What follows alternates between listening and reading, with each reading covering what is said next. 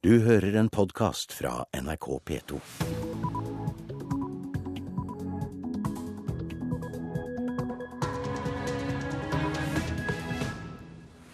Skikjørere må ikke finne på å kjøre utenfor løypene. Stor skredfare flere steder i fjellet. Hvis man skal kjøre offpist nå, så må man ha kunnskap om skredfare. Sa skredforsker Kjetil Brattlin i Norges geotekniske institutt. Nordmenn kjøper mer og dyrere ferie. Vi vil ha fire- og femstjerners hoteller, mens svenskene nøyer seg med trestjerners overnatting. Og Røde Kors har stor pågang fra folk som vil gi ensomme selskap. Riktig god morgen og velkommen til Nyhetsmorgen med Tor Albert Frøsland. Nå er klokken 6.30. Skal vi høre at klokken åtte så sender Røde Kors ut snøscooterpatrulje for å hente to menn som ble overrasket av uværet på fjellet i Skjåk sent i går kveld, og som måtte grave seg ned i snøen. De to fjellvante mennene på 78 og 49 år fra Oslo og Elverum kontaktet selv Hovedredningssentralen for å melde fra ved 22-tiden i går kveld. De har gravd seg ned like øst for Veltdalshytta, sier operasjonsleder Knut Vestby i Gudbrandsdal politidistrikt. De har vel eh, fått beskjed om at de var nedgravd, eh, at de har gravd seg ned inni der. Men eh, utover det så vet vi lite, for det var en kort, kort samtale. Det sier operasjonsleder Knut Vestby i Gudbrandsdal politidistrikt. De to mennene var ute på en skitur i går da de ble overraska av uvær i området øst for Vetledalshytta, omtrent 25 km vest for Bjorli. De to, en far og sønn, er bosatt i Elverum og Oslo, og begge er godt fjellvante. Det som pårørende sier da, om utstyr og hvordan de eh, ellers så tyder på at de, eh, at de har det bra, da. Men vi har ikke fått snakka noe mer med dem sjøl. Reporter var Knut Sveen. Og Det er stor snøskredfare flere steder i landet nå, og ekspertene ber folk om å holde seg oppdatert på skredfaren der de befinner seg. Skikjørere advares også mot å kjøre off-pist, altså fritt utenfor løypene, og snøskredfaren er ventet å øke flere steder til helgen. I går ble en mann i 30-årene tatt av et snøskred da han kjørte utfor løypene i Hemsedal i Buskerud. Han ble hentet ut og fikk ikke alvorlige skader, men verre gikk det for 42-åringen som ble tatt av et skred i samme område på julaften. Han mistet livet. Skredforsker Kjetil Brattlien i Norges geotekniske institutt advarer mot at det nå er stor skredfare flere steder i landet. Det er eh, farlige forhold mange steder i Norge nå. Eh, Fjelltraktene i Sør-Norge er nok de områdene som har høyest skredfare for øyeblikket. Og verre skal det bli i helga, forteller meteorolog Anne Mette Olsen ved Meteorologisk institutt. Nå venter vi opp veldig mye mildere luftmasser på lørdag. Eh, så utover lørdag så vil jeg tro at det blir stor snøskredfare over store områder i fjellene her i Sør-Norge.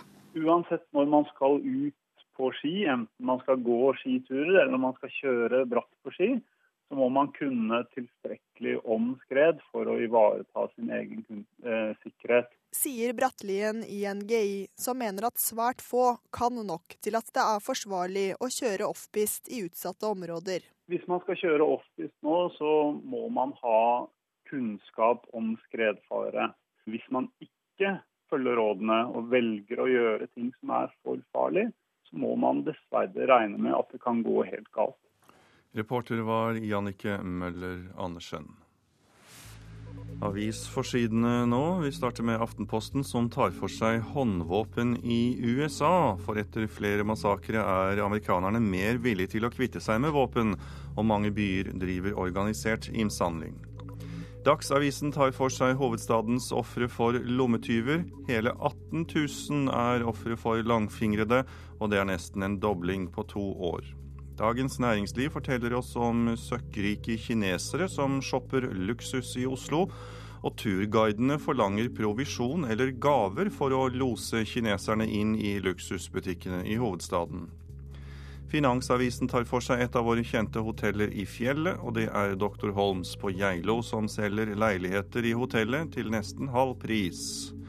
Nasjonen forteller oss at det er massiv motstand mot sjødeponi i Førdefjorden.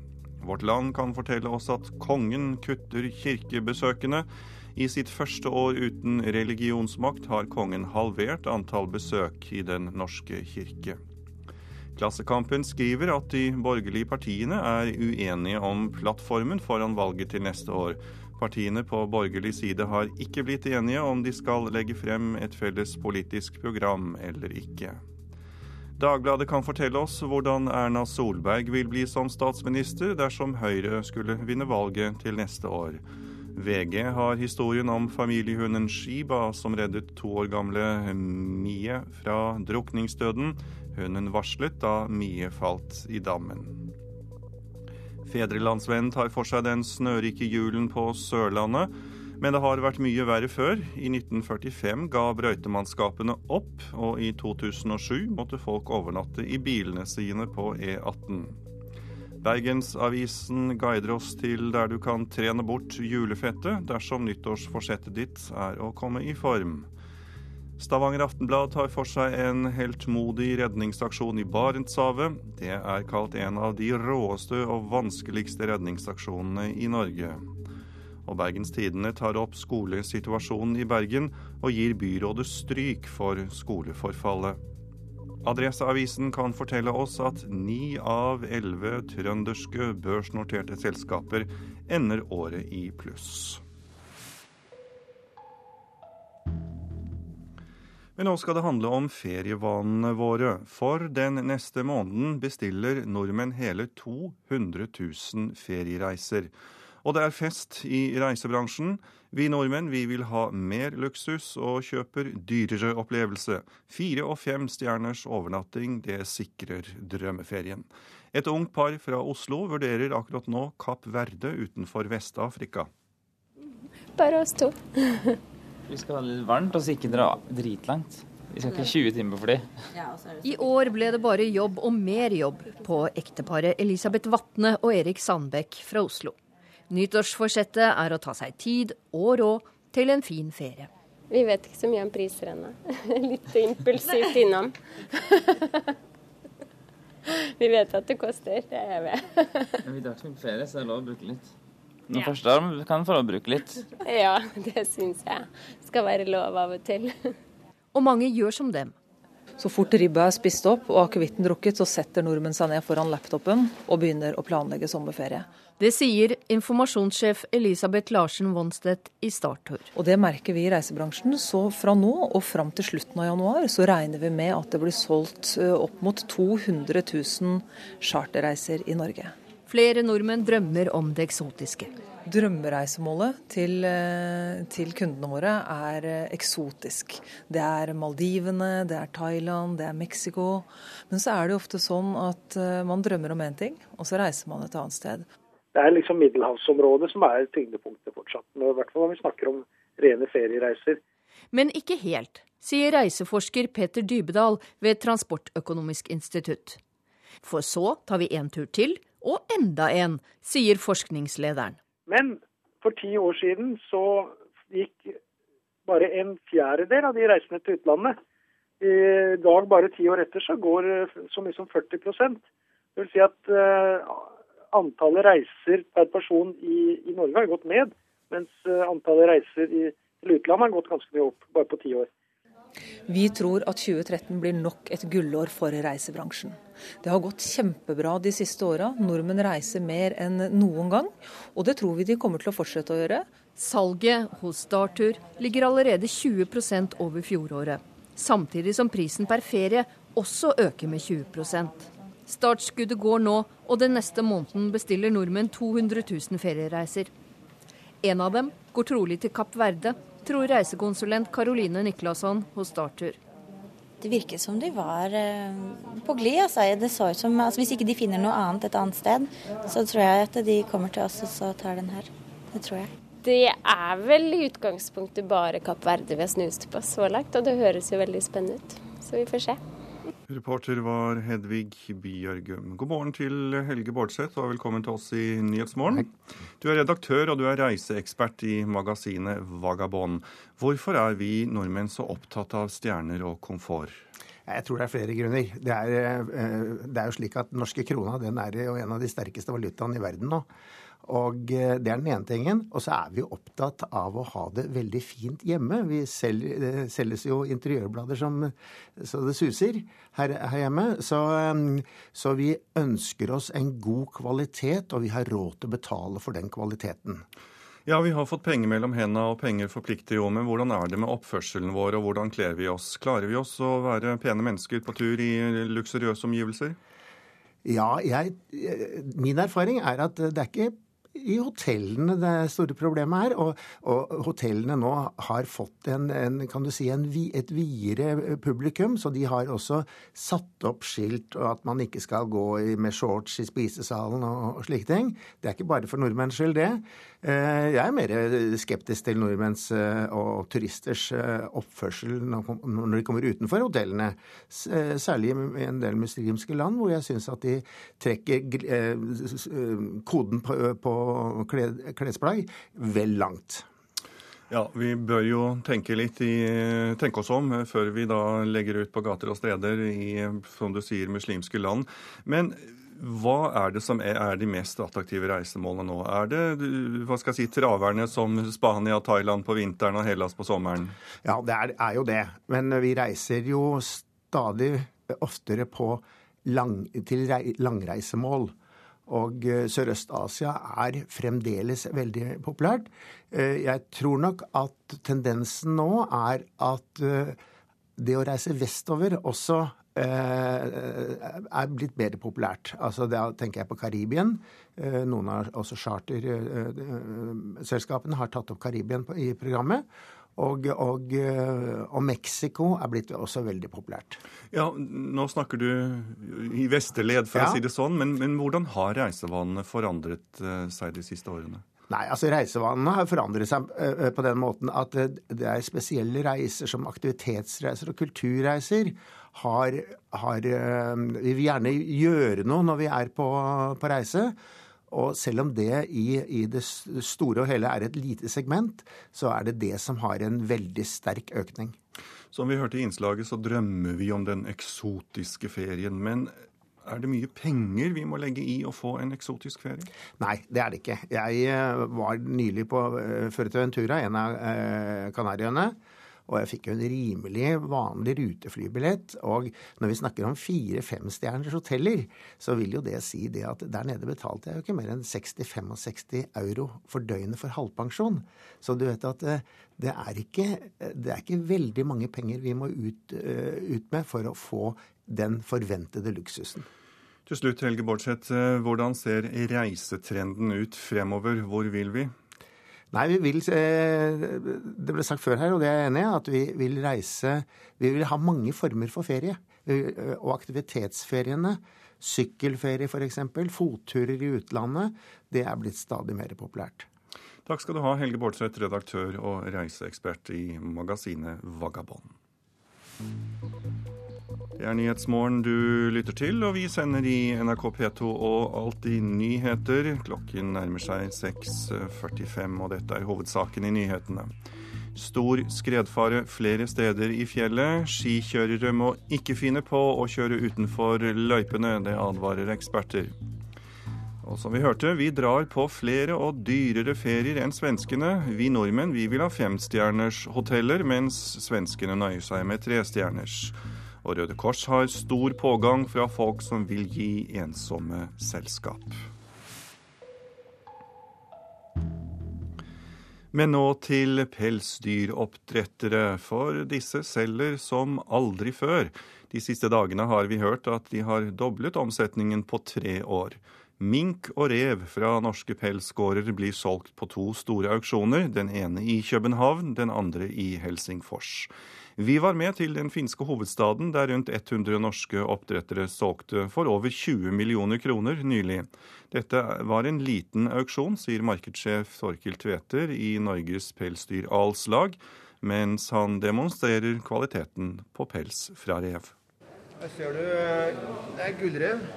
Dette er jo en genetisk variant av sølvreven.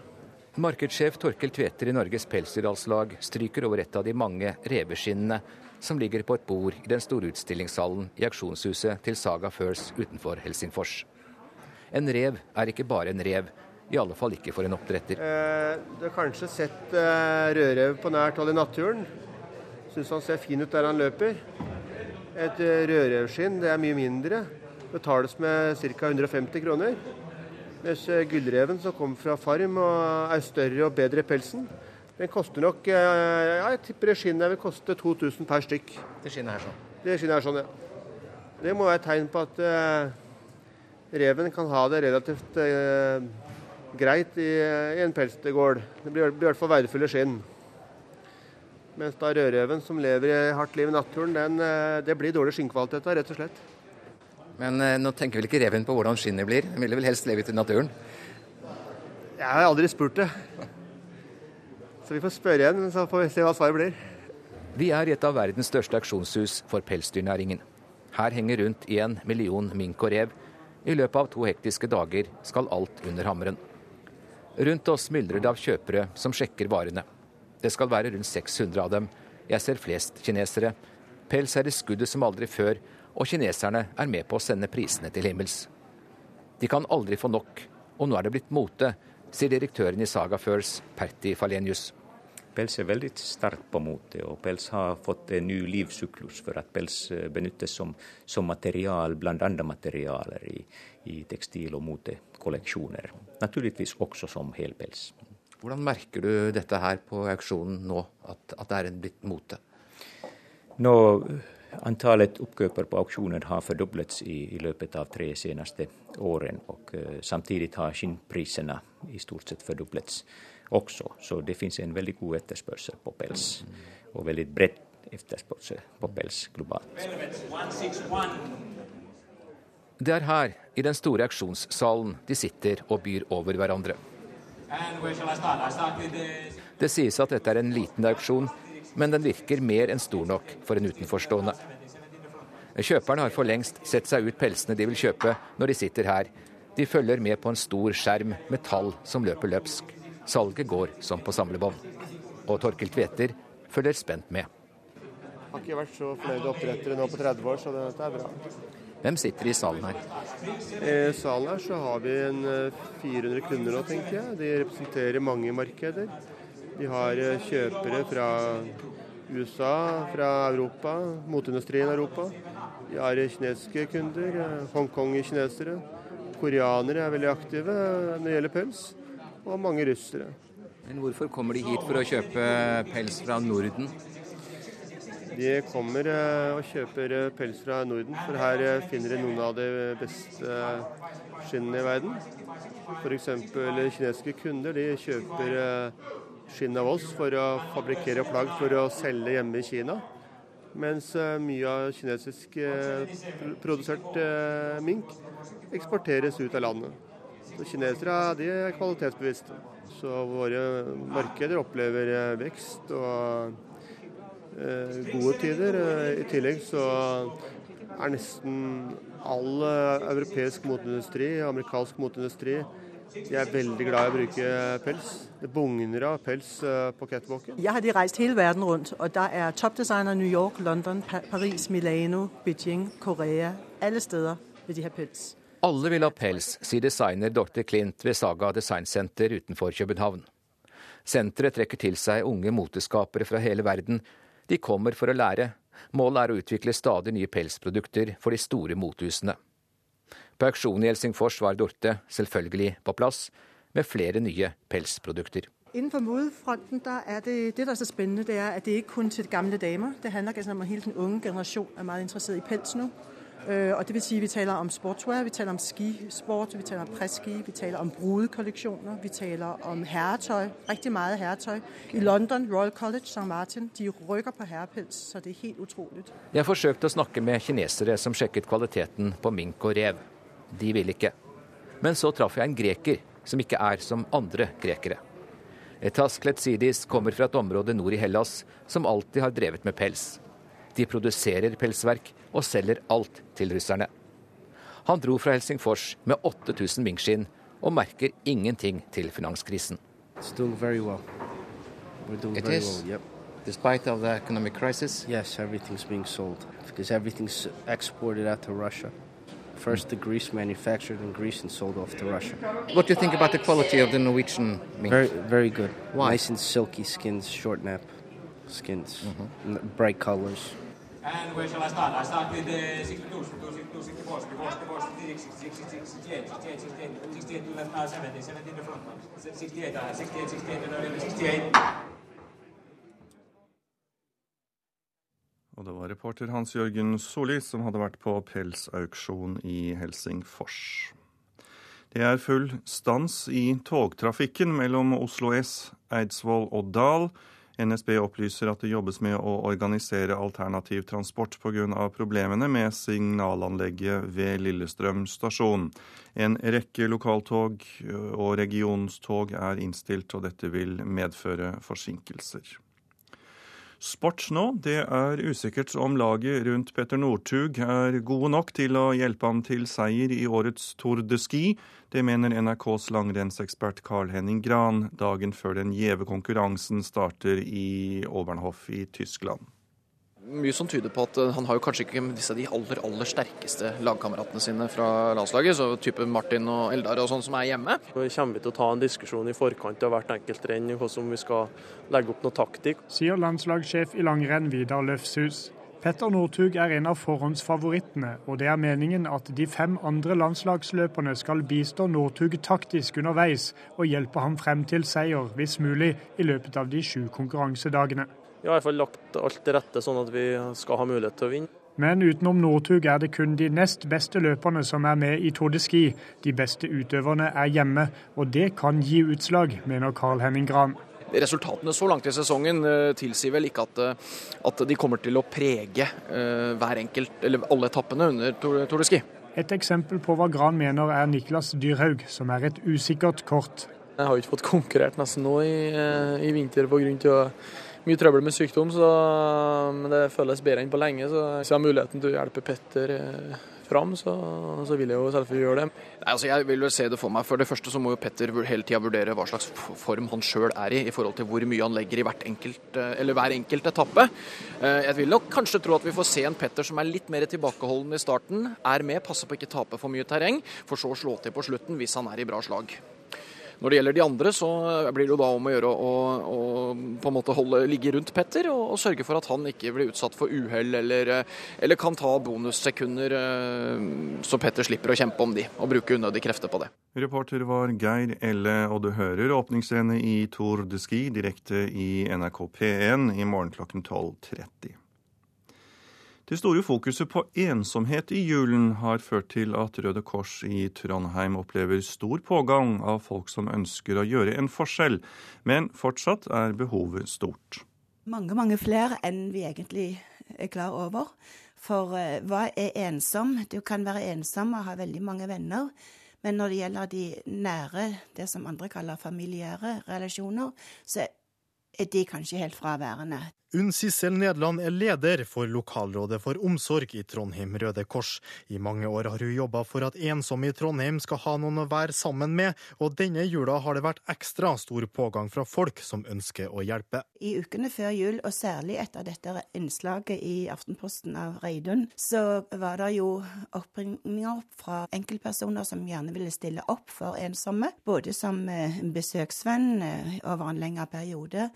Og vi hadde også flere tilbud om at folk åpnet hjemmene sine for, eh, for ensomme. Det var også ensomme som nå turde innrømme for seg selv kanskje òg at de var ensomme, at de ønsket folk rundt seg, og kanskje at Reidun ga de mot til å ta det skrittet og ringe og si 'jeg er ensom, jeg trenger et menneske'. Reporter var Martin Hammervik. Så skal vi høre at eh, arbeidssituasjonen for journalister er svært vanskelig i Tunisia to år etter revolusjonen. Sjikaner og trakassering er en del av jobbhverdagen, spesielt for kvinnelige journalister, som forsøker å ta i bruk den nyvunnede ytringsfriheten i landet. The man that, that, that aggressed me was, was so, so many men so so many. روح اسألن علي والف مش معه Under revolusjonen så var Hanne en av bloggerne som fortalte omverdenen om hva som skjedde i Tunisia. I wanted to blog to because I had a dream, a big dream, to uh, to see to, to better Tunisia, to be in a democratic country. Men da den høyreiste 25-åringen var ute på jobb etter revolusjonen, ble hun angrepet av flere menn. They took everything. Henne tror voldtekten var straff for at hun blogga under revolusjonen. They wanted to uh, to uh, to let me uh, uh, regret those uh, years of uh, fighting. Of course. Uh, it is a profession that uh, carries a lot of dangers. Det er farlig å være journalist i denne regionen, sier Aber Saidi. Hun er i styret for det egyptiske journalistlaget og sikkerhetsinstruktør for journalister. There. Volden er økende, spesielt kvinnelige journalister både trues og trakasseres. And are female journalists have been harassed, and even to, uh, to the extent like like raped while doing their own job. So it is a dangerous thing.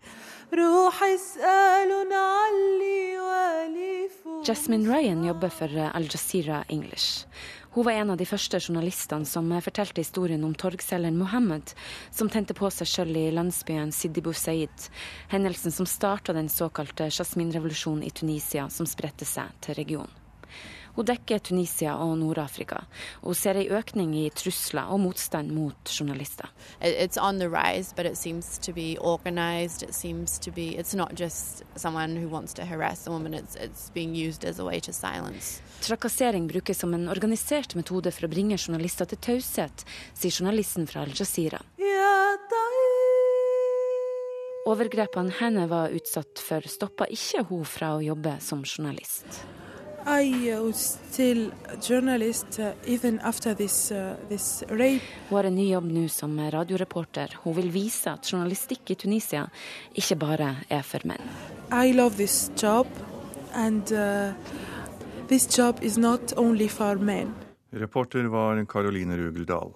Og her i Nyhetsmorgen skal vi ha væroversikten, slik den vil fortegne seg og fortone seg på denne fredagen i romjulen. Fjellet i Sør-Norge får skiftende bris, oppholdsvær, om kvelden sørlig sterk kuling, snø først i vest. Østland og Telemark skiftende bris, lettskyet oppholdsvær, om kvelden sørlig liten kuling på kysten, litt sludd eller snø i vest. Agder nordvest bris, opphold. Fra i ettermiddag sørlig liten kuling på kysten. Om kvelden opp i sterk kuling vest for Lindesnes. Etter hvert sludd eller snø og regn på kysten. Vestlandet sør for Stad. Økning til sørøst sterk kuling. Om kvelden sørlig liten storm på kysten. Kan hende full storm nord for Karmøy. Opphold. Om kvelden snø, senere regn i ytre strøk. Møre og Romsdal minking til sørlig bris, opphold. Om kvelden sørøst liten kuling på Søre Sunnmøre, sterk kuling. Litt snø på Sunnmøre, ellers opphold. Trøndelag vestlig stiv kuling, snø og haglbyger kan hende med torden. Fra med ettermiddagen sørøst bris. I kveld liten kuling, sterk kuling på kysten i nord og opphold. Sør-Helgeland nordvest stiv kuling. Fra i ettermiddag skiftende bris. Sludd- og snøbyger. I kveld sørøst frisk bris og opphold. Nordland unntatt Sør-Helgeland. Nordvest stiv eller sterk kuling. Fra i ettermiddag vestlig frisk bris. Sludd- og snøbyger. I kveld østlig bris og opphold. Troms nordvest sterk kuling. Fra i ettermiddag liten kuling. Til kvelden bris. Sludd- og snøbyger. Finnmark sørøst stiv til sterk kuling. I ettermiddag dreiende vestlig. I kveld liten kuling i vest, snø av og til. Nordenskjøld-land på Spitsbergen får opptil frisk bris av skiftende retning. Etter hvert østlig stiv kuling, snø av og til. Morgentemperaturen målt klokken fire. Svalbard lufthavn minus 15 grader, Kirkenes minus 10, Vardø minus 4, Alta minus 11, Tromsø, Langnes og Bodø minus 6, Brønnøysund minus 1, Trondheim-Værnes, Molde, Bergen-Flesland og Stavanger alle null, Kristiansand-Kjevik minus ti. Gardermoen minus seks. Lillehammer minus ni. Røros minus fem. og Blindern i Oslo minus fire grader. Du hører en podkast fra NRK P2.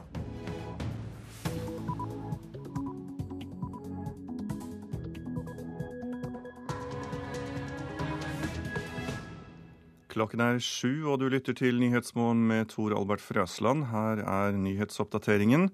Kristelig Folkeparti vil ha konkurranse om flysikringen og fjerne kravet om norsk for flygeledere. Dagens ordning med flygeledere fungerer ikke, sier Knut Arild Hareide. Så blir dette vedtaket fra KrFs side gjennomført i Stortinget og vedtatt der, så vil vi få et bedre Avinor og et bedre tilbud for de reisende. I USA har president Barack Obama invitert landets eh, politiske toppledere til Det hvite hus for å få fremgang i de fastlåste budsjettforhandlingene. Tidsfristen for en enighet er i ferd med å løpe ut, forteller USA-korrespondent Jon Gelius. President Obama, som i går avbrøt sin juleferie på Hawaii, prøver i dag å få budsjettforhandlingene tilbake på sporet. Situasjonen er helt fastlåst og i ferd med å utvikle seg til mer et svarteperspill om hvem som har skylden dersom det ikke blir noen budsjettavtale. Skikjørere må holde seg innenfor løypene. Det er nå stor skredfare flere steder i fjellet, og verre skal det bli, forteller meteorolog Anne Mette Olsen. Nå venter vi opp veldig mye mildere luftmasser på lørdag. Eh, så utover lørdag så vil jeg tro at det blir stor snøskredfare over store områder i fjellene her i Sør-Norge. da. Nordmenn vil bruke nesten 3 milliarder kroner til privatrettslig advokathjelp i år, men det er stor forskjell på hva du må betale for hjelpen. Lederen i Stortingets transportkomité, Knut Arild Hareide, vil konkurranseutsette flytårntjenestene og gå bort fra kravet om at flygeledere må snakke norsk. Det er KrF-lederens løsning for å forhindre at, mang at, mangel på flygeledere hos Avinor lammer flytrafikken i fremtiden. Hull i vaktplanene førte til forsinkelser og innstillinger tidligere i sommer, til passasjerenes store frustrasjon. Vi kom jo til flyplassen da til rett tid ikke sant? og skulle inn. Så kommer det plutselig opp på tavla at eh, flyet var kansellert. I feriemåneden juli hjalp det lite å komme tidsnok på flyplassen. Mangel på flygeledere førte til store forsinkelser og kanselleringer over hele landet, og ferietrøbbel for svært mange nordmenn. Til slutt endte det med krisemøter mellom Avinor og flyselskapene. Det vil KrF-leder Knut Arild Hareide unngå i framtida, for dagens ordning fungerer ikke, mener han. Nei, det har jo vi fått dessverre bevist eh, flere ganger. Eh, det er ikke en robust løsning. Eh, vi ser altså at eh, ved at vi ikke har den nødvendige konkurransen, så blir vi sårbare. Vi mangler flygeledere i perioder. Derfor foreslår partiet nå å modernisere luftfarten ved å la Avinor gjennomgå de største endringene på åtte år. Løsninga er å fjerne selskapets monopol og dermed konkurranseutsette flytårntjenesten, samt å fjerne kravet om at flygeledere i Norge må kunne snakke norsk. Det er forslag flere borgerlige partier har lufta tidligere. Så blir dette vedtaket fra KrFs side gjennomført i Stortinget og vedtatt der, så vil vi få et bedre Avinor og et bedre tilbud for de reisende. Tidligere denne måneden fikk Avinor godkjent arbeidslistene sine for desember og januar av Luftfartstilsynet, til tross for hull i vaktplanen. Ved å droppe kravet om norsk kunne slike problemer blitt løst, mener Hareide. At alle må eh, snakke norsk, er med på å gjøre at vi får mindre fleksibilitet. Vi kan ikke bruke eksempelvis da flygeledere fra Sverige, eh, Danmark. Eh, vi ser at i våre naboland så har de løst på dette. De har fått mer robuste system. Jeg tror egentlig fra det politiske at man er litt sånn nærmest desperat for, bare for å vise handling i forhold til å gjøre noe. Sier lederen i Norsk flygelederforening, Robert Gjønnes, som ikke tror KrFs forslag vil løse utfordringene. Han advarer mot å fly rett på det første og beste forslaget. Det er i hvert fall viktig å ha og klare å tenke lenger enn, frem til neste sommer i forhold til å finne de gode løsningene her. For det er en, som sagt en manko på flygeledere. og det, det kommer ikke rekende på ei fjøl. Og når det er også en manko i stort sett i hele Europa på generelt grunnlag, så er det, er ei utfordring eh, generelt, altså. Avinor henviser til Samferdselsdepartementet, som på sin side ikke vil kommentere forslaget før de har gitt sin uttalelse til Stortinget i starten av januar. Robert Gjønnes er klar på at det er en dårlig idé å fjerne kravet om norsk. Fagekspertisen er det Avinor og norske flygelere som sitter på. Og jeg forventer jo at både eier og, og departement og det politiske miljøet hører på det, det operative ekspertpanelet, for å kalle det det, i, i forhold til å stake ut kursen og utviklinga videre for, for, Avinor og norsk flysikring. Reporter det var Ole Marius Rørstad. God morgen, Wenche Olsen, du er avdelingsdirektør i Luftfartstilsynet. God morgen, god morgen. Du, Hva tenker dere i tilsynet om å lempe på kravet om at flygeledere må kunne norsk? Eh, Luftfartstilsynet har allerede sendt ut på høring et forslag til regelverksendring der vi foreslår å ta bort eh, språkkravet om norsk for flygeledere i kontrollsentralene. Ja vel, så det er full enighet mellom dere og Hareide, skjønner jeg? Nei, ikke helt, fordi at vi skiller mellom kontrollsentraler og flytårn. Og, Jaha, hva er forskjellen der? Eh, forskjellen der er at eh, kontrollsentralene har jo lufttrafikken, ansvar for lufttrafikken mellom flyplasser, mens flytårn har ansvar for trafikken på og i nærheten av flyplasser. Og hvor Eh, er det da etter deres mening eh, eh, maktpåliggende å kunne snakke norsk? Eh, Vi mener at eh, for å ivareta sikkerheten så er det nødvendig å kunne snakke norsk i flytårn, fordi at man har også utstrakt kontakt med bakkemannskaper som brøytemannskaper og brann og redning. Og, og de har jo ingen krav til å beherske engelsk, så da må flygelederne kunne norsk også. En annen ting Knut Arild Hareide vil ha, det er et nordisk samarbeid, slik man allerede har mellom Danmark og Sverige. Hvorfor skal ikke det også kunne omfatte Norge? Eh, Norge er også med i det store felles europeiske prosjektet som jobber med effektivisering og kapasitetsforbedringer på lufttrafikktjenesten. Eh, Men dette var Norge et nordisk samarbeid?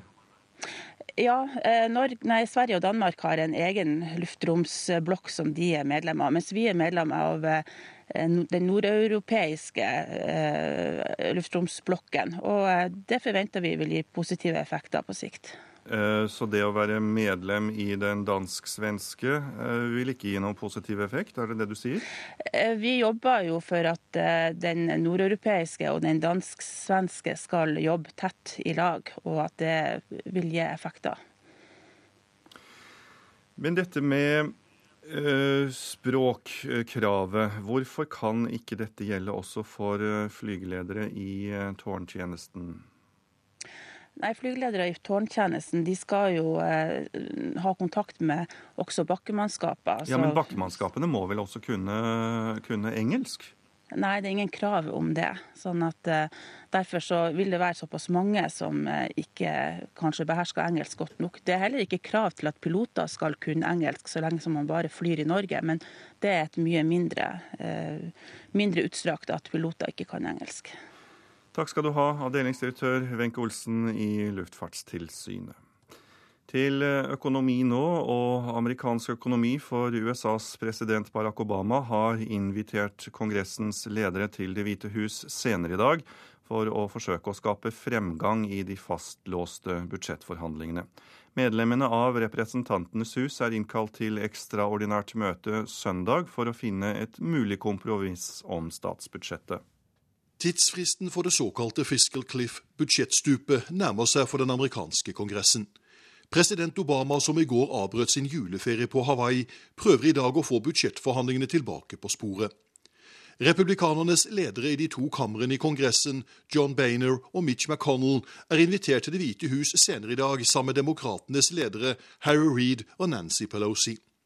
Møtet med de fire skjer mens medlemmene av Representantenes hus står på farten til Washington for å delta i et ekstraordinært møte søndag for å finne et mulig kompromiss om statsbudsjettet. Situasjonen er helt fastlåst og i ferd med å utvikle seg til mer et svarteperspill om hvem som har skylden dersom det ikke blir noen budsjettavtale. I Senatet i går anklaget demokratenes Harry Reid den republikanske lederen John Boehner for å opptre som diktator og lite villig til å finne en budsjettløsning. The American people, I don't think, understand the House of Representatives is operating without the House of Representatives.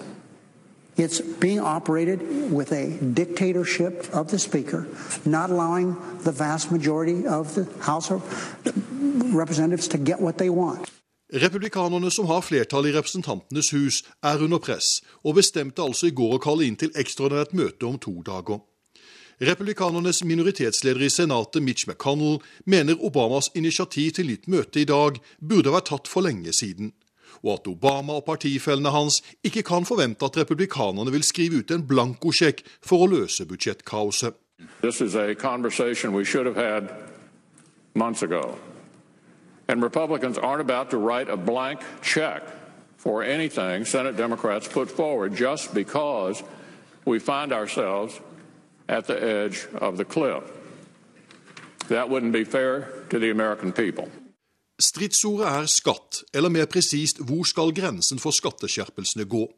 Obama vil ha grense ved inntekter over 250 000 dollar, mens republikanerne er steile mot enhver skatteøkning. Tidsfristen for å få til en ny budsjettavtale løper ut om fire dager. Skatteøkninger og automatiske budsjettkutt for til sammen 600 milliarder dollar inntreffer 1.1 dersom man ikke blir enige. Havner USA utfor budsjettstupet, vil en ny kongress måtte ordne opp når den trer sammen 3.1. Kommentatorer peker på at det da vil være lettere for republikanerne å stemme for å kutte de skattene som eventuelt automatisk settes opp ved årsskiftet, slik at amerikanere flest unngår skatteøkning. Men gjeldsbyrden vil da uansett være like tyngende. På toppen av dette vil USA nå sitt selvpålagte gjeldstak på nyttårsaften. Det betyr at USA må låne mer penger for å kunne betale sine regninger. Og det vil i så fall føre landet inn i en enda verre økonomisk hengemyr. Jon Gelius, Washington. Erik Bruse, sjefanalytiker i Nordea Markets, god morgen og velkommen. Takk. USA ser ut til å være på vei mot budsjettstupet. Det sa senator Harry Reed, som er flertallsleder i Senatet, i går. Men hvor langt unna dette stupet, eller fiscal cliff som det heter, er vi? Ja, nå løper jo fristen ut på, på nyttårsaften, så Eh, hvis ikke man blir enige, hvis ikke republikanere og demokrater blir enige, så, så øker automatisk eh, skattene for alle. Da får vi også kraftig utgiftskutt, og, da snakker vi om enorme kutt i, utgifter og enorme skatteøkninger som kommer til å sende amerikansk økonomi inn i en ny resesjon hvis, hvis, det, hvis, dette varer. Ja, Én ting er det innenrikspolitiske, for å bruke et slikt begrep. Hvordan kan dette slå ut for verdensøkonomien hvis det ikke oppnås enighet?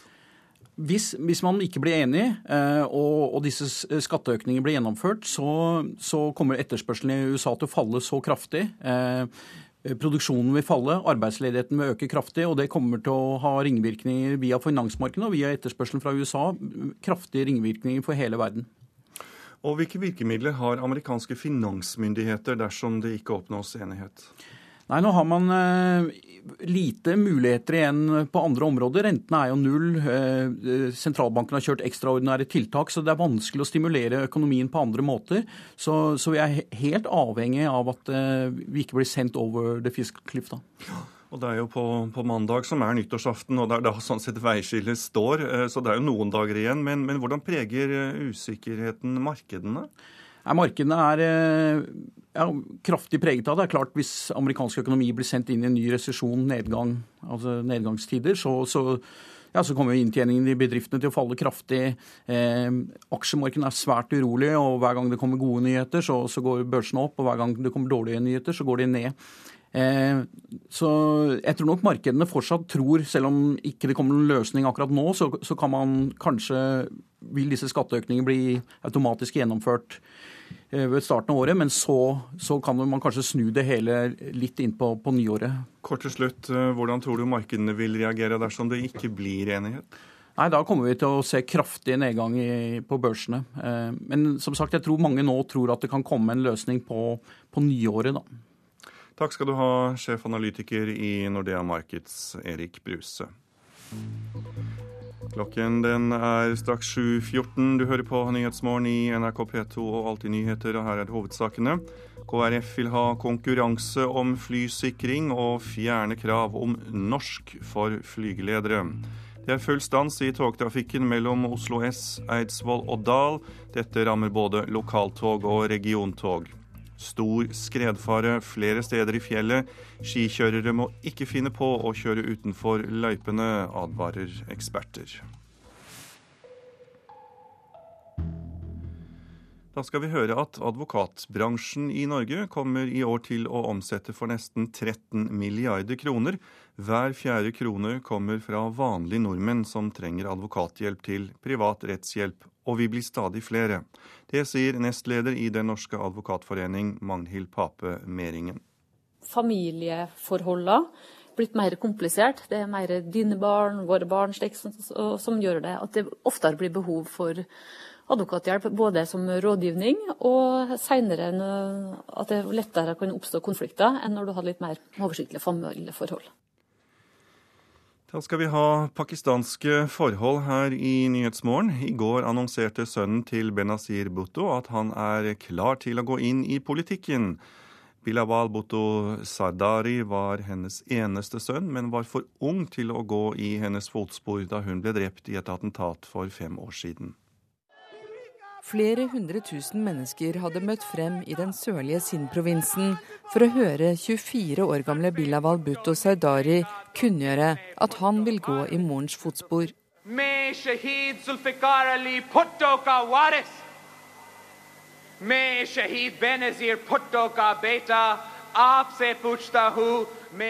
Jeg er matyren Benazir Bhuttos arving.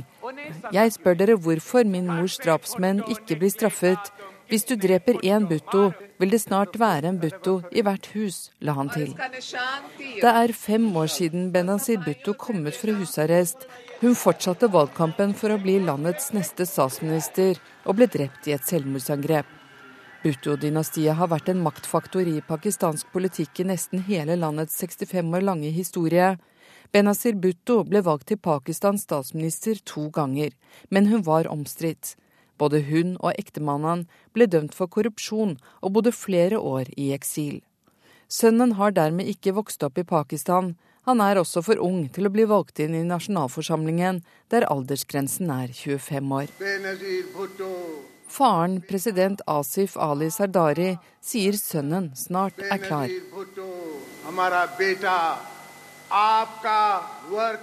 Bilawal har fullført studiene sine, men nå er tiden inne for å fullføre den politiske treningen og bli i Pakistan, blant folket her, og lære av dem, sa han.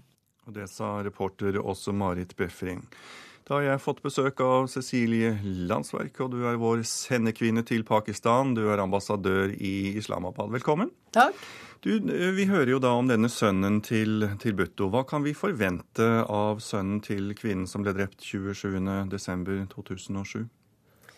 Ja, Det stilles jo store forventninger da til han som skal være tredje generasjon til å overta uh, partiet PPP.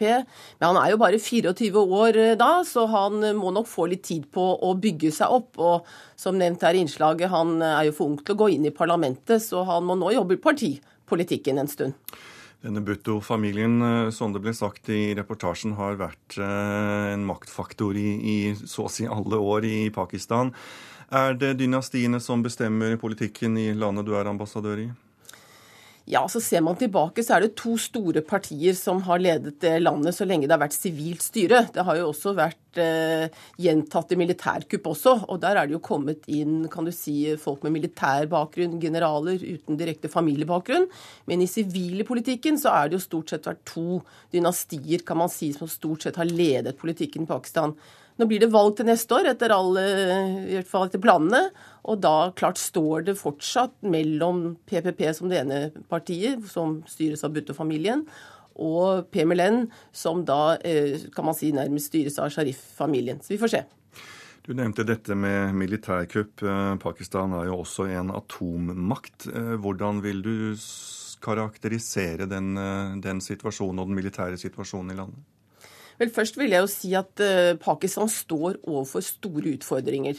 Det er et land nå hvor det er økonomisk nedgang, det er økt vold, ikke minst vil jeg peke på økt sekterisk vold, interne stridigheter, som gjør at det er mye uro. Og det er klart I en sånn situasjon, i et land som har atomvåpen, det er ikke en situasjon som vi liker noe særlig. Eh, hvorvidt det er noen sjanse for at det igjen skulle komme militærkupp? Vel, foreløpig så vil ikke jeg påstå at det er noen eh, antydninger til noe slik. Det ser ut som det er gode muligheter til et sivilt eller et normalt valg, og det blir i tilfelle første gangen at Pakistan klarer å gjennomføre to sivile valg etter hverandre, og det får vi i hvert fall ta som en, et godt tegn. Absolutt. En annen sak som har preget Pakistan denne høsten, er den såkalte Malala-saken. Den fikk veldig mye oppmerksomhet, og det var en 15 år gammel jente som ble skutt i hodet av Taliban. Og Taliban likte ikke at hun blogget om jenters rett til utdanning. Hvilke reaksjoner valgte, vakte denne saken i Pakistan? Malala er jo blitt en symbol, eller hun er blitt et symbol for jenters utdanning i Pakistan. Og familier står jo fram og gjerne bruker dette symbolet, for de fleste pakistanske familier ønsker jo at deres døtre også skal få utdanning, tross alt. Så det er jo manglende muligheter, manglende økonomiske muligheter og dårlig rett og slett med skoler som gjør at det er så få jenter som tar utdanning. Eh, nå skal vi også være klar over at det er jo få gutter, altfor få gutter også som får utdanning i Pakistan. Det er vel kanskje ikke mer enn ca. 60% av guttene eller som begynner på skolen. Og at det er snakk om kanskje 25 millioner barn i Pakistan som aldri får gått på skolen. Så du kan si hun har blitt en symbolsak for utdanning som sådan. Men president Zaidari har jo også valgt å gjøre henne til et symbol for jenter og utdanning. Så sånn sett så er hun jo blitt tatt inn i varmen av myndighetene òg. Så da får vi jo se om det faktisk fører til at myndighetene tar større ansvar for å gi barn utdanning. Ja, fordi mm, som du da sier, myndighetene har, eh, har tatt henne som et symbol og, lover å satse mer på jenter. Hva, vet du hva det innebærer? Foreløpig så vet vi bare at det er fattet vedtak i parlamentet for å styrke retten til alle barn å få utdanning. Men eh, fra et slikt vedtak til at det faktisk settes av ressurser, eh, at det legges planer for å bygge ut skoleverket, der er det dessverre en lang vei ettersom skoleverket er så svakt. Så der gjenstår det å se om det resulterer i konkrete politiske vedtak, eller, eller, og at det gis ressurser til utdanning. Cecilie Landsverk, du er vår ambassadør i Pakistan. Takk skal du ha for at du kom til oss i Nyhetsmorgen. Flere amerikanske delstater vurderer å gi lærere lov til å bære våpen. Forslaget ble lagt frem av den mektige National Rifle Association etter skolemassakren i byen Newtown. Folkevalgte og ministre i seks forskjellige delstater arbeider nå med det nye lovforslaget for å bevæpne lærere. Palestinas president Mahmoud Abbas vurderer å oppløse de palestinske selvstyremyndighetene. Han sier til avisen Haaretz at han vil gjøre det hvis det ikke blir noen fredssamtaler med Israel etter valget neste måned. Så tar vi en titt på forsidene på dagens aviser. Aftenposten tar for seg håndvåpen i USA, for etter flere massakre er amerikanerne mer villige til å kvitte seg med våpen og mange byer driver organisert innsamling. Dagsavisen tar for seg hovedstadens ofre for lommetyver. Hele 18 000 er ofre for langfingrede, og det er nesten en dobling på to år. Dagens Næringsliv forteller oss om søkkrike kinesere som shopper luksus i Oslo, og turguidene forlanger provisjon eller gaver for å lose kineserne inn i luksusbutikkene i hovedstaden. Vårt Land kan fortelle oss at kongen kutter kirkebesøkene. I sitt første år uten religionsmakt har kongen halvert antall besøk i Den norske kirke. Klassekampen skriver at de borgerlige partiene er uenige om plattformen foran valget til neste år. Partiene på borgerlig side har ikke blitt enige om de skal legge frem et felles politisk program eller ikke. Dagbladet kan fortelle oss hvordan Erna Solberg vil bli som statsminister dersom Høyre skulle vinne valget til neste år. Og VG har historien om familiehunden Shiba som reddet to år gamle Mie fra drukningsdøden. Hunden varslet da Mie falt i dammen. Fedrelandsvennen eh, tar for seg den snørike julen på Sørlandet. Men det har vært mye verre før. I 1945 ga brøytemannskapene rett og slett opp, og i 2007 så måtte folk overnatte i bilene sine på E18. Bergensavisen guider oss til der du kan trene bort julefettet dersom nyttårsforsettet ditt er å komme i form. Stavanger Aftenblad tar for seg en heltemodig redningsaksjon i Barentshavet. Den er kalt en av de råeste og vanskeligste redningsaksjonene i Norge. Bergens Tidende tar opp skolesituasjonen i Bergen og gir byrådet stryk for skoleforfallet. Adresseavisen kan fortelle oss at ni av elleve trønderske børsnoterte selskaper ender året i pluss. Og Nordlys skriver at neste år blir et gullår for oss, for den private husholdningen er blant vinnerne i forhold til finanskrisen.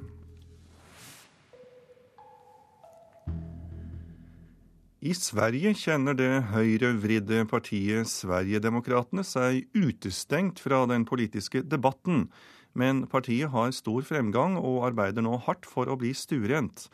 Vi skal til partiets høyborg, Malmö. Torso ser du der borte i bakgrunnen i dimmen. Ja, det er den nye høye hvite Ja, i Malmö. precis, ja. Kommunalråd Magnus Olsson har siden 2006 hatt fast plass i Stadshuset i Malmö. Og i alt er 45 Sverigedemokrater med i ulike nemnder i kommunen. Partiet vil gjenskape tryggheten i byen, og Olsson har ei blå krus fra Police Department City of New York på skrivebordet. Vi har jo tenkt en løsning for Malmö for å få trygghet. Det er å eh, til till New York-modellen som har kjørt där han eh, Rudolf Giuliani. New York var jo veldig eh, drabbat av brottslighet og hot og masse rån og den New York-modellen har jo gjort skillnad for New York. Partiet knytter kriminaliteten til det de kaller masseinnvandringer til Sverige. Olsson sier hver fjerde ungdom i Malmö er arbeidsløs, og byen kan ikke ta hand om alle som kommer. Sverigedemokraterna vil ha en åpen debatt om innvandring. Samtidigt så är det då den här eh, massinvandringen som vi pratar om då till Sverige. Den har ju påverkat Malmö på många sätt va? och tyvärr i många fall eh, åt det negativa hållet såklart. Sen är vi, vi noga också här med Malmö att vi vill inte liksom svartmåla Malmö totalt. Va? Samtidigt så vill vi inte göra som Socialdemokraterna gör, att man skönmålar, man sopar lite grann problemen under mattan, man går med skygglappar. I november i år fikk Sverigedemokraterna 8,5 prosent oppslutnad i meningsmålingene. Det høyeste noensinne. De ville blitt Sveriges fjerde største parti. Men både media og de andre svenske partiene er skeptiske til partiet, som har sine røtter i høyreekstreme miljø. Olsson sier Sverigedemokraterna er et midterparti og kjenner seg mobba. Vi blir litt lite mobbade faktiskt. Så att säga. Det, ska jag gå och hämta kaffe och sånt på morgonen så det är inte alltid man säger hej till mig. Man tittar ner. Og i kampen om å bli stovereine er Frp og Dansk Folkeparti föredöme. Människor som inte har i partiet att göra måste helt enkelt lämna för att vi ska kunna växa och få en liknande framtid som till exempel Framstegspartiet i Norge eller Dansk Folkeparti i Danmark. Når er hun fra? Hun er fra i år? Eller i fjor? Nei, den er fra 2010. I den andre enden av byen sitter professor Anders Hellstrøm på Malmö høgskole. Han har skrevet bok om Sverigedemokraterna.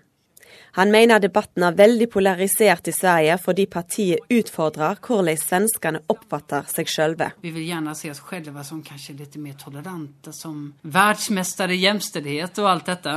Sverigedemokraternas huvudnummer handler om svenskhet og nasjonell identitet. Men deres sett å formulere svenskhet skiljer seg veldig mye åt sammenlignet med majoritetssamfunnet. Så derfor så blir det veldig polarisert, veldig hätskt, veldig snabbt i debatten. Hellstrøm kaller det en kamp om svenskhet. Men medan Sverigedemokraterna vil representere mannen på gata og bruke nasjonale symbol som Astrid Lindgren, markerer politikere flest avstand til det voksende partiet. Jimmy Åkesson, til skillnad fra øvrige partiledere for riksdagspartiene, får ikke komme på Nobelmiddagen. På olika sätt så markerar man även före skandalen at SD ikke hører hjemme i de fina salongene. Skandalen Hellstrøm viser til, er en video som ble lekket til svensk media i slutten av november. Han syner to av de ledende politikerne i Sverigedemokraterna gå amok med ei jernstang og komme med rasistiske utsagn.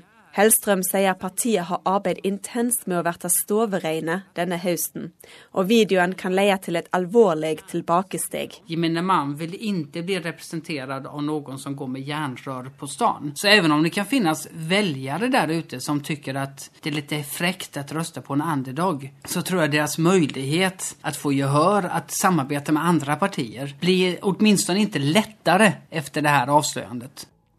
Og Sverigedemokraterna fikk 5,7 prosent av stemmene ved riksdagsvalget i 2010, men står dobbelt så sterkt i Malmö. I 2014 er det nytt riksdagsvalg i Sverige. Reporter i Malmö, det var Tove Gerhardsen. Og det er Nyhetsmorgen i P2 du hører på denne fredagsmorgenen. Den neste halvtimen så skal vi bl.a. ha Dagsnytt med Anne Skårseth. Dagens utenriksreportasje kommer også, og så får du også Politisk kvarter. Produsent for sendingen i dag heter Ingvild Ryssdal. I studio Tor Albert Frøsland. Flygeledere trenger ikke kunne norsk, det mener lederen av Stortingets transportkomité. Det er stor snøskredfare i fjellet. Eksperter advarer mot å kjøre utenfor løypene. Og nordmenn vil ha dyrere ferier, bestiller femstjerners hoteller.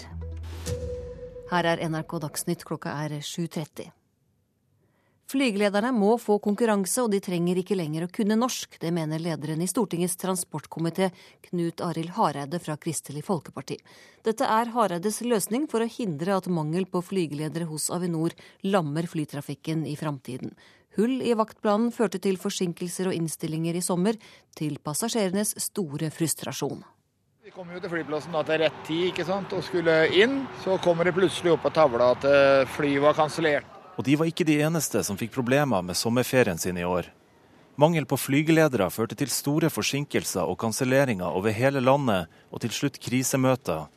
Det vil Knut Arild Hareide unngå i framtiden. Vi ser altså at eh, ved at vi ikke har den nødvendige konkurransen, så blir vi sårbare. Vi mangler flygeledere i perioder. Derfor vil partiet fjerne Avinors monopol, og dermed konkurranseutsette flytårntjenesten, samt å fjerne kravet om at flygeledere i Norge må kunne snakke norsk.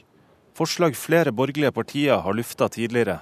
Så blir dette vedtaket fra KrFs side gjennomført i Stortinget og vedtatt der, så vil vi få et bedre Avinor og et bedre tilbud for de reisende. Jeg tror egentlig fra det politiske at man er litt sånn nærmest desperat for, bare for å vise handling i forhold til å gjøre noe. Sier lederen i Norsk flygelederforening, Robert Gjønnes, som ikke tror KrFs forslag vil løse utfordringene. Avinor henviser til Samferdselsdepartementet, som på sin side ikke vil si noe før de har gitt sin uttalelse til Stortinget i starten av januar. Men Gjønnes advarer mot å fly på det første og beste forslaget. Det er i hvert fall viktig å, ha, å klare å tenke lenger enn, en frem til neste sommer i forhold til å finne de gode løsningene her. For det er en, som sagt en manko på flygeledere. og det, det kommer ikke rekende på ei fjøl. Og når det er også en manko i stort sett i hele Europa på generelt grunnlag, så er det, er ei utfordring eh, generelt, altså. Reporter Ole Marius Rørstad. Det er stor snøskredfare flere steder i landet nå, og eksperter ber folk om å holde seg oppdatert på faren der de befinner seg. Skikjørere advares også mot å kjøre fritt utenfor løypene. Snøskredfaren er ventet å øke flere steder til helgen. I går ble en mann i 30-årene tatt av et snøskred da han kjørte utfor løypene i Hemsedal i Buskerud. Han ble hentet ut og fikk ikke alvorlige skader, men verre gikk det for 42-åringen som ble tatt av et skred i samme område på julaften. Han mistet livet. Skredforsker Kjetil Brattlien i Norges geotekniske institutt advarer mot at det nå er stor skredfare flere steder i landet. Det er eh, farlige forhold mange steder i Norge nå. Eh, Fjelltraktene i Sør-Norge er nok de områdene som har høyest skredfare for øyeblikket. Og verre skal det bli i helga, forteller meteorolog Anne Mette Olsen ved Meteorologisk institutt. Nå venter vi opp veldig mye mildere luftmasser på lørdag. Eh, så utover lørdag så vil jeg tro at det blir stor snøskredfare over store områder i fjellene her i Sør-Norge. Uansett når man skal ut på ski, enten man skal gå skiturer eller man skal kjøre bratt på ski, så må man kunne tilstrekkelig om skred for å ivareta sin egen eh, sikkerhet. Sier Brattlien i NGI, som mener at svært få kan nok til at det er forsvarlig å kjøre offpist i utsatte områder. Hvis man ikke følger rådene og velger å gjøre ting som er for farlig, så må man dessverre regne med at det kan gå helt galt. Reporter var Jannike Møller Andersen. Og nå klokka åtte skal en snøscooterpatrulje prøve å hente ut to skiløpere som har gravd seg ned på fjellet ved Skjåk i Gudbrandsdalen. Mennene på 78 og 49 år ble overrasket av dårlig vær i går kveld. De er fjellvante og meldte selv fra til Hovedredningssentralen. President Barack Obama har invitert Kongressens ledere til Det hvite hus i dag for å forsøke å få framgang i de fastlåste budsjettforhandlingene. Målet er å komme fram til en løsning før nyttår. Om politikerne ikke blir enige før nyttår, innføres automatiske budsjettkutt og betydelige skatteøkninger for til sammen 600 milliarder dollar. Det sjokket kan være nok til å kaste USA og hele verdensøkonomien ut i en ny resesjon, en ny finanskrise. Børsene er allerede så smått urolige. President Obama har avbrutt sin juleferie på Hawaii og er nå på vei tilbake hit til Washington. Hans budskap før julehøytiden satte inn, var at demokrater og republikanere må fire og kompromisse for å få til en ny budsjettavtale. And that means nobody gets 100% of what they want. Everybody's got to give a little bit in a sensible way.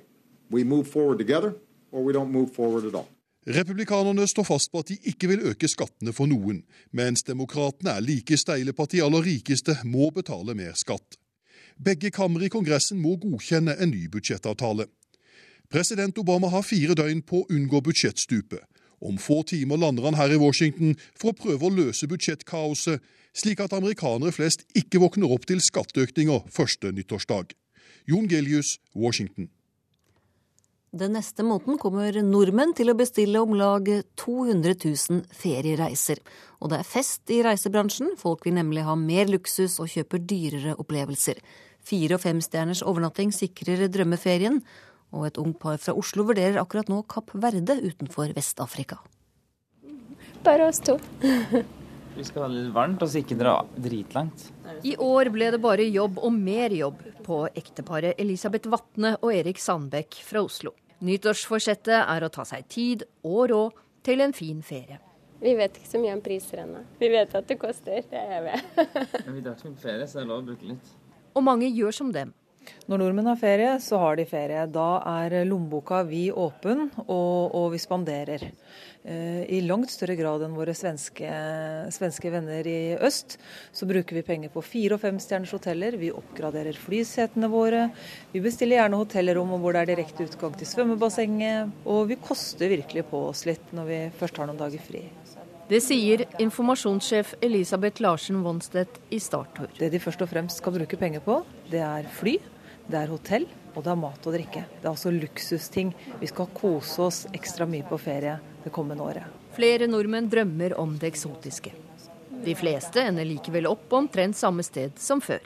Det er liksom middelhavsområdet som er tyngdepunktet fortsatt. I hvert fall når vi snakker om rene feriereiser. Sier reiseforsker Peter Dybedal ved Transportøkonomisk institutt. Vi har et veldig økende privat forbruk i Norge. Mye tas ut til reiser. Noe sånt som en sju millioner reiser vil, vil gå til utlandet. Reporter Hedvig Bjørgum. Signalfeilen som skapte problemer i togtrafikken i østlandsområdet i dag tidlig, er nå rettet. Feilen rammet både lokaltog, regiontog og flytoget på Kongsvingerbanen og Gardermobanen. Flere tog ble innstilt, men trafikken skal nå være i gang igjen. Den amerikanske generalen Norman Schwarzkopf døde i natt, 78 år gammel. Dette melder nyhetsbyrået Ap. Schwarzkopf ledet operasjonen Desert Storm da internasjonale styrker presset irakerne ut av Kuwait i 1991. Schwarzkopf døde i Tampa i Florida, der han bodde de siste årene. Det er usikkert om laget rundt Petter Northug er gode nok til å hjelpe ham til seier i årets Tour de Ski. Det mener NRKs langrennsekspert Carl Henning Gran dagen før den gjeve konkurransen starter i Oberhof i Tyskland. Mye som tyder på at han har jo kanskje ikke disse de aller aller sterkeste lagkameratene sine fra landslaget, så type Martin og Eldar og sånn som er hjemme. Vi kommer til å ta en diskusjon i forkant av hvert enkelt renn hvordan vi skal legge opp noe taktikk. Sier landslagssjef i langrenn Vidar Løfshus. Petter Northug er en av forhåndsfavorittene, og det er meningen at de fem andre landslagsløperne skal bistå Northug taktisk underveis og hjelpe ham frem til seier, hvis mulig, i løpet av de sju konkurransedagene. Vi har i hvert fall lagt alt til rette sånn at vi skal ha mulighet til å vinne. Men utenom Northug er det kun de nest beste løperne som er med i Tour de Ski. De beste utøverne er hjemme, og det kan gi utslag, mener Carl Henning Gran. Resultatene så langt i sesongen uh, tilsier vel ikke at, uh, at, de kommer til å prege uh, hver enkelt, eller alle etappene under Tour, Tour de Ski. Et eksempel på hva Gran mener er Niklas Dyrhaug, som er et usikkert kort. Jeg har ikke fått konkurrert nesten nå i, i vinter pga. mye trøbbel med sykdom, så, men det føles bedre enn på lenge. Så hvis jeg har muligheten til å hjelpe Petter fram, så, så vil jeg jo selvfølgelig gjøre det. Ja, det sa NRKs langrennsekspert Carl Henning Gran til reporter Geir Elle. Du kan høre åpningsrennet i Tour de Ski direkte i NRK P1 i morgen klokka 12.30. Ansvarlig for denne sendingen har vært Erlend Rønneberg, teknisk ansvarlig Hanne Lunås og her i studio Anne Skårseth.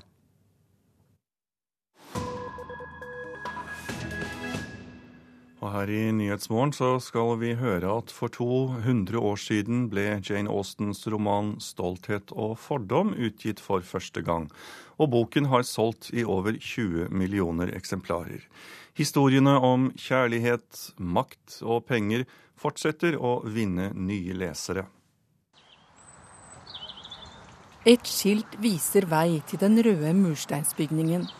Her i landsbyen Chawton levde Jane Austen sine siste år. I dag er huset et museum. I en stue står et lite, rundt bord.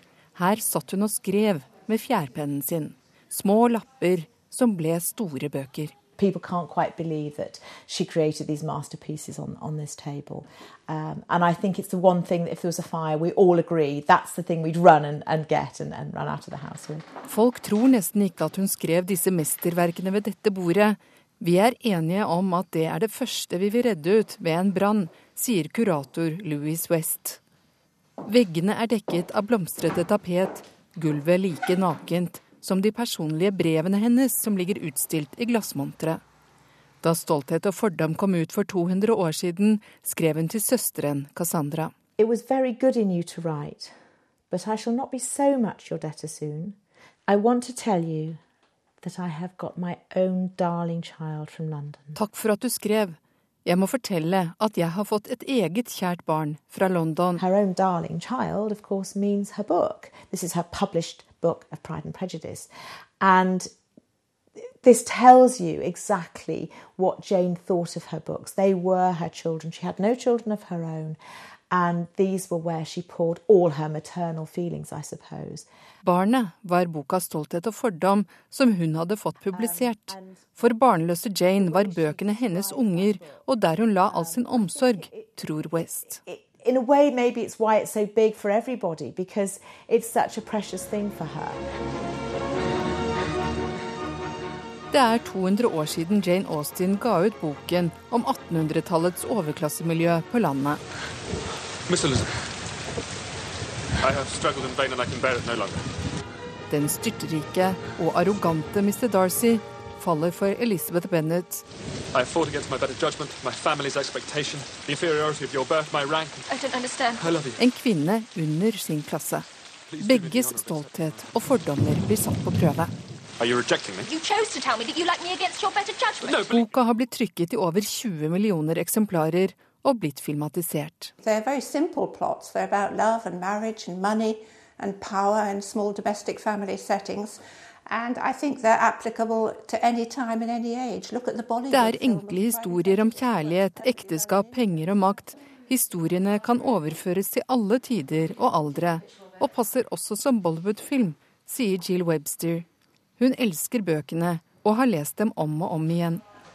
Jane Austen gikk sine egne veier og valgte bort ekteskapet for å kunne gjøre det hun likte best. She did push the boundaries. I mean, she she changed her her publisher for when she was writing Emma because she thought she deserved more money, and I think that's a really really interesting thing about her. She hun utfordret grensene og byttet forlegger fordi hun mente hun fikk for lite betalt. På mange måter var hun en tidlig feminist, mener Rebecca Smith. So she was very much an early feminist. She was very proud of her authorship. I think we, I think we make a mistake if we think she was a quiet little violet writing downstairs at her table. I think she was pretty pleased with herself with being an author and selling books. Reporter var også Marit Befring. Kristelig Folkeparti vil ha store endringer i Avinor. Dagens ordning med flygeledere fungerer ikke, mener de. Store togproblemer på Østlandet i dag. Det er full stans i trafikken mellom Oslo S, Eidsvoll og Dal. Og redningsmannskaper skal i løpet av morgentimene prøve å hente ut de to skiløperne som har gravd seg ned i fjellet på, i Gudbrandsdalen. Det er noen av overskriftene våre i Nyhetsmorgen. Men det har vært mye rødt i julen, for julefargen er jo rød. Men du er klar med Politisk kvarter, programleder Lars Nehru Sand. Og vi fyller opp studio med blå stemmer, også de som mener et borgerlig regjeringsalternativ i dag fremstår mer grått enn blått.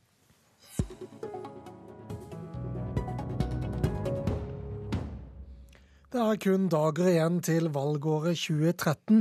Med nyttårsraketter og meningsmålinger stiger også forventninger og forhåpninger på borgerlig side. Paul Joakim Sandøy, unge Høyre-leder og sentralstyremedlem i Høyre. Hvor galt kan dette gå? ja, det, det, verste som kan skje, er jo at man ikke vinner valget. Eh, og det tror jeg altså ingen må tro at dette er avgjort. Eh, de rød-grønne kan vinne. Eh, og vi merker jo allerede at måten de har tenkt å gjøre det på, er jo er gjennom å føre en ganske aggressiv og skitten valgkamp som allerede har begynt. Eh, og da er det jo, eh, da er det jo ingen som vil trå feil, da. Men jeg tror at den letteste måten å trå feil på, det er jo ikke, ikke trå i det hele tatt. Og jeg tror og håper at vi i 2013 kommer til å se et Høyre som, som ikke prøver å unngå tøffe og vanskelige debatter og sånne ting, men som hele tida tør å komme med, nye ideer som vi ønsker å gjennomføre i regjering. og Det tror jeg også er nøkkelen til suksess for Høyre i, i 2013. Vi skal snakke mer om hvilke ideer det kan og vil være. Men Kristin Clemet, leder i Civita, eh, det borgerlige regjeringsprosjektets store fødselshjelp, og du er også med oss her. Hvor godt er de fire partiene nå rigget til å regjere sammen? Bedre enn noen gang. Altså, vi har jo ikke noen gang sett et mer troverdig borgerlig regjeringsprosjekt som også inkluderer et samarbeid med Frp. Eh, og det ligger jo på en måte veldig godt til rette. Meningsmålingene ligger veldig høyt, har gjort det lenge. Og vi har ikke bare en høyrebølge med stor H, men også en høyrebølge med liten H, i den forstand at Fremskrittspartiet og Høyre nå scorer mye høyere enn de har gjort tradisjonelt i mange, mange år før. Eh, men det betyr ikke at det ikke kan gå galt. Altså Halvparten av velgerne de bestemmer seg i valgkampen. 10% bestemmer seg på selve valgdagen. Og jeg tror verken dere som er politiske kommentatorer eller vi som har vært engasjert i politikk, noensinne har greid å spå eksakt hva som skjer ti måneder frem i tid. Det skjer alltid noe i politikken som eh, så å si endrer spillets gang, og som partiene også må takle. Før jul snakket jeg også med Minerva-skribent Jan Arild Snoen. Han frykter blått blir mest grått. Når det gjelder hva innholdet i den nye regjeringen skal være, så er jeg ikke så veldig optimistisk. Fordi det mangler et tydelig borgerlig prosjekt. Eh, så det er mer en, en slags seier på walk over dette. Eh, fordi folk er lei eh, den rød-grønne regjeringen. Så sitter Høyre nå ganske stille og venter på at makta skal falle i deres hender. Men hvilket tydelig alternativ med tydelig borgerlig politikk burde vi kunne forvente av en eh, regjering hvor Høyre vil dominere? Vi burde hatt et alternativ som gikk inn for betydelig lavere skatter, betydelig mer valgfrihet, betydelig mer eh, privat ansvar. Isteden så får vi et alternativ som bare er litt av alt dette. Eh, det regjeringsalternativet vi ser fram mot, det kan karakteriseres med dette ordet 'litt'. Det er bare litt forskjell på den regjeringen og den som nå sitter. Så det er stort sett et snakk, et snakk om å bytte ut eh, personer, mer enn det er politikk.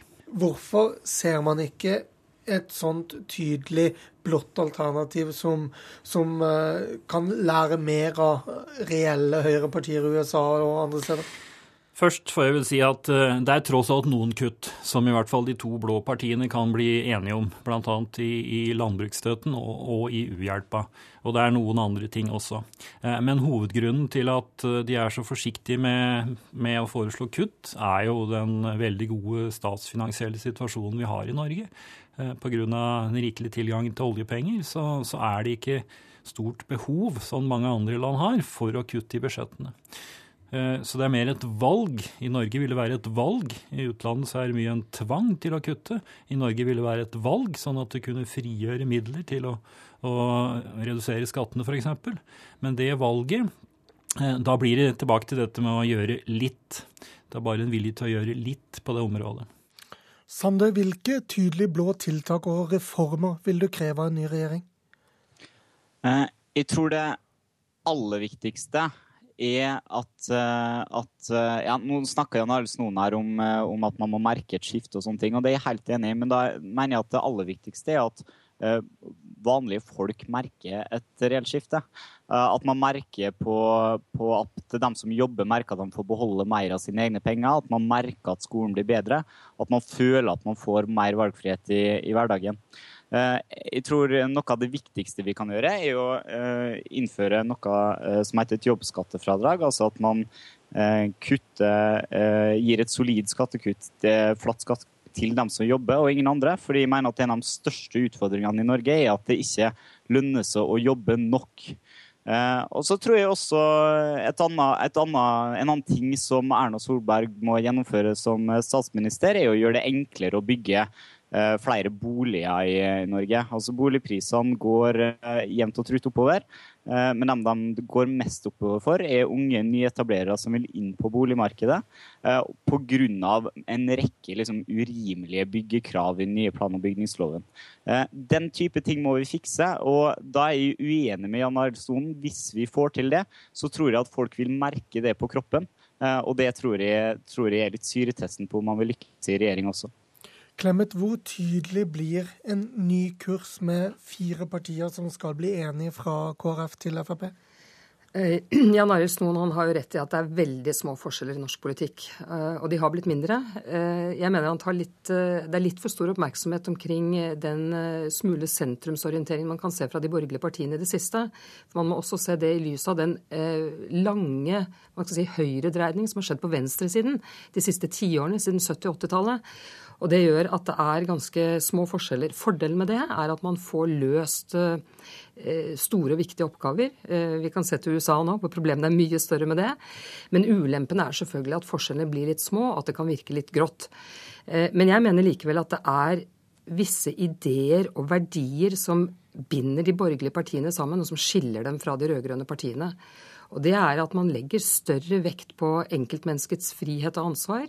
Mer respekt får man si, for privat sektor og betydningen av privat sektor eh, og sivilsamfunnet. Mer opptatt av at samfunnet bygges nedenfra og ikke ovenfra. Vil være mer opptatt av valgfrihet. Og hvis man greier å bygge en politikk, konkret politikk rundt disse eh, hva skal jeg si for de ideologiske stolpene, så mener jeg det representerer et alternativ. Men det er ikke en voldsom endring. Men det trengs jo heller ikke. Vi lever jo i et veldig godt land hvor mye går bra. Men det vi skal gjøre, er å skape bedre vilkår for eh, enkeltmennesker, tilpasse oss en ny tid og forebygge problemer i fremtiden. Men, men hvor tydelig kursendring vil et regjeringsskifte da innebære?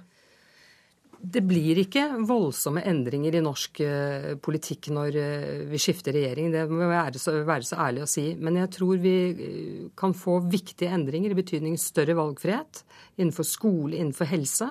At man bringer med private i løsningen av arbeidsoppgavene. Vi snakker jo veldig liten utstrekning i Norge om, om privatisering av ansvar, men vi kan være med å bringe med private i å løse oppgavene. Og her vil vi kunne se ganske tydelige forskjeller.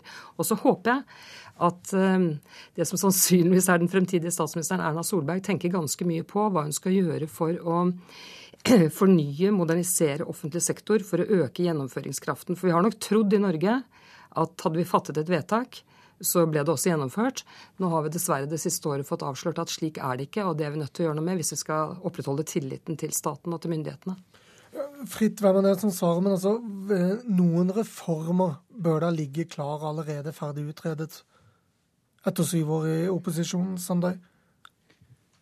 Ja, altså det er jo mange ting man er, man er enige om. Uh, og det er mange ting man, man, vil, som er ganske gitt at man vil gjøre med en gang. Uh, F.eks. det at man i større grad vil bruke private til å løse, løse grunnleggende offentlige oppgaver, er jo en sånn greie som alle de ikke-sosialistiske partiene er enige om. Eh, det at det vil bli en, forskyvning i statens makt, at man vil eh, redusere skattetrykket, og så er det uenighet om i hvor stor grad, men at det skal reduseres, det er det også enige om. Eh, så det er en, sånn en del grunnleggende ting som, som, ligger klart. Men det er klart også at, at både Høyre og de andre partiene må bruke må bruke tida framover, både fram til valget og i, og i etterkant, eh, på å, på, å, snakke sammen. og Da trenger det ikke å ligge klar ei regjeringserklæring eller sånne ting, eh, men å hele tida på en måte kvesse hverandre, komme på nye ideer. Og, og, ting som man kan gjøre sammen. En, ting som i, en sånn reform som vi mener man, man, også må gjøre, som er sånn, det er ikke en sånn kioskvelter som får velgerne til å løpe til valglokalet, men det er en veldig viktig reform. Det er jo en skikkelig kommunereform der man reduserer antall kommuner, på sikt legger ned fylkeskommunen. Eh, det er en sånn greie som jeg tror blir veldig viktig å sette i gang alle, allerede med en gang man kommer inn i regjeringskontoret. Men en sånn greie som kan ryke fordi man er vel så opptatt av å vinne valget i 2017, altså bli gjenvalgt, og at det kan bli en hemsko, frykter i hvert fall Jan Arild Snoen. Og dette, denne opptattheten av 2017, det er enda en, et sånn triks for å unnlate å gjøre noe. Um, og ikke, du skal ikke skremme bort noen. Så vi ser enda lenger fram. Vi skal ikke gjøre noe de første årene, vi skal gjøre noe senere en gang. Men det er jo sånn at hvis du ikke leverer noe, hvis du ikke leverer vesentlig endring, og eh, stiller det i utsikt, så blir du ikke gjenvalgt. Vi har sett det en gang før. Vi har gjort dette. Bondevik II kaltes det. Det var en regjering som leverte altfor lite, og derfor ble ikke gjenvalgt. Og så, Det er jeg redd vil skje nå også, hvis den nye regjeringen, hvis vi nå får en ny regjering, ikke tør så vil den ikke bli gjenvalgt. Det er mitt syn på det. Mens eh, andre mener at hvis de tør for mye, så blir de ikke gjenvalgt. Men poenget må jo være hva skal du med denne makta? Og det kan du kanskje svare på, Sander. Hva skal Høyre bruke makten til? Ja, men det er, der igjen så er jeg liksom både enig og uenig med Jan Arild Snoen. Altså, jeg, er enig i at, eh, at man kan ikke bare sitte, sette seg på hendene og, og eh, vente på å få igjen eh, makta fire år seinere. Da skjer det heller ingenting. Men å erkjenne at noen ting tar, tar tid, og at det derfor er viktig f.eks. å bygge en koalisjon som kan sitte over tid, og som er, som er ganske robust, det tror jeg er viktig. Men det er helt åpenbart at man må sette i gang eh, en del grunnleggende prosjekt allerede fra, fra dag og uke én. Din forgjenger skrev i forrige valgkamp et felles innlegg med daværende FpU-leder, og krevde bl.a. hold deg fast, fjerning av formuesskatt, arveavgift, dokumentavgift og toppskatt trinn 1. Salg av statlige aksjer i SAS, NSB, Aker, Statkraft, Statoil Hydro, Telenor og DNB Nor. Halvering av antall kommuner på fire år om nødvendig med tvang, og avvikling av fylkeskommunen. Videre kutt i sykelønnsordning med karensdager og 80% utbetaling, samt oppheve makspris på barnehager. Tror du dette blir noe av? Jeg tror eh, vi får gjort en del av det. Eh, jeg tror, eh, jeg tror, heller ikke da vi satt og skrev den lista i 2009 at vi trodde vi kom til å få alt igjennom dersom det ble høyreregjering i 2009. Eh, men, og jeg tror også faktisk at hvis vi skulle skrevet ei liste nå, så hadde den sett litt annerledes ut. For det skjer jo en politisk utvikling i ungdomspartiene også. Og hva men, vil du endre på? Nei, men på den, på den uh, lista der så står det jo viktige ting som vi tror vi får igjennom, som å fjerne formuesskatten og arveavgiften og øke bunnfradraget, uh, øke innslagspunkt for toppskatt, uh, kommunereform, sånne ting. Det er jo kjempeviktige ting som, vi, som jeg er sikker på at en høyreregjering vil få til mye på. Clemet skal, skal, også forsvare. Tror du noe av denne drømmelista blir noe av? Alt blir ikke noe av, men mye av det kan bli noe. Jeg syns bare Jan Arild Snoland er litt for pessimistisk. Altså, for det første så skjedde det jo noe under Bondevik II. altså Bare nevne to ting som har hatt stor betydning siden. Nemlig vi la frem en skattereform og en kunnskapsreform som har eh, store positive virkninger den dag i dag, og stadig mer. Eh, men det er jo én forskjell på Bondevik II-regjeringen og den regjeringen vi da Eh, kanskje får etter valget 2013, og det er at vi kanskje får en borgerlig flertallsregjering. Bondevik II-regjeringen var ikke en flertallsregjering. Og Det er jo en av grunnene til at Erna Solberg lagt så stor vekt på samarbeidet med alle de fire partiene så lenge, for at vi skal kunne få et stabilt flertallsstyre. Og det gir jo muligheter for å gjennomføre mer politikk, som også i øyeblikket kan virke upopulær, fordi det tar litt tid å se de positive virkningene av en del reformer. Kort til slutt, Clement, Hva tror du bør avklares før sommeren? Ja, Det viktigste som jeg syns eh, vi i den politiske debatten legger altfor liten vekt på, i den dagsaktuelle debatten, det er jo at eh, det ser ut til at alle har glemt at partiene har faktisk ikke vedtatt den politikken de skal gå til valg på. Alle partier skal nå ha landsmøter til våren. Jeg tror det blir veldig spennende, fordi det vi kan si om de programforslagene som ligger fremme, de er etter min oppfatning litt dvaske, i den forstand at enigheten er veldig stor i norsk politikk. Og den debatten som foregår nå, der må man karikere motstanderen, så å si, for å få til debatt. Så det blir veldig spennende å se hva som skjer på landsmøtene. Kommer man til å skjerpe profilen litt, eller kommer man fortsatt til å gå til valg på programmer som er relativt like hverandre? Det må i hvert fall avklares. Erna Solberg svarer på det og mye annet i Politisk kvarter 2.1. Takk til Jan Arild Snoen, Paul Joakim Sandøy og Kristin Clemet. Nyttårsaften sender vi vår politiske 2012-kavalkade. Mitt navn er Lars Nehru Sand. Du har hørt en podkast fra NRK P2.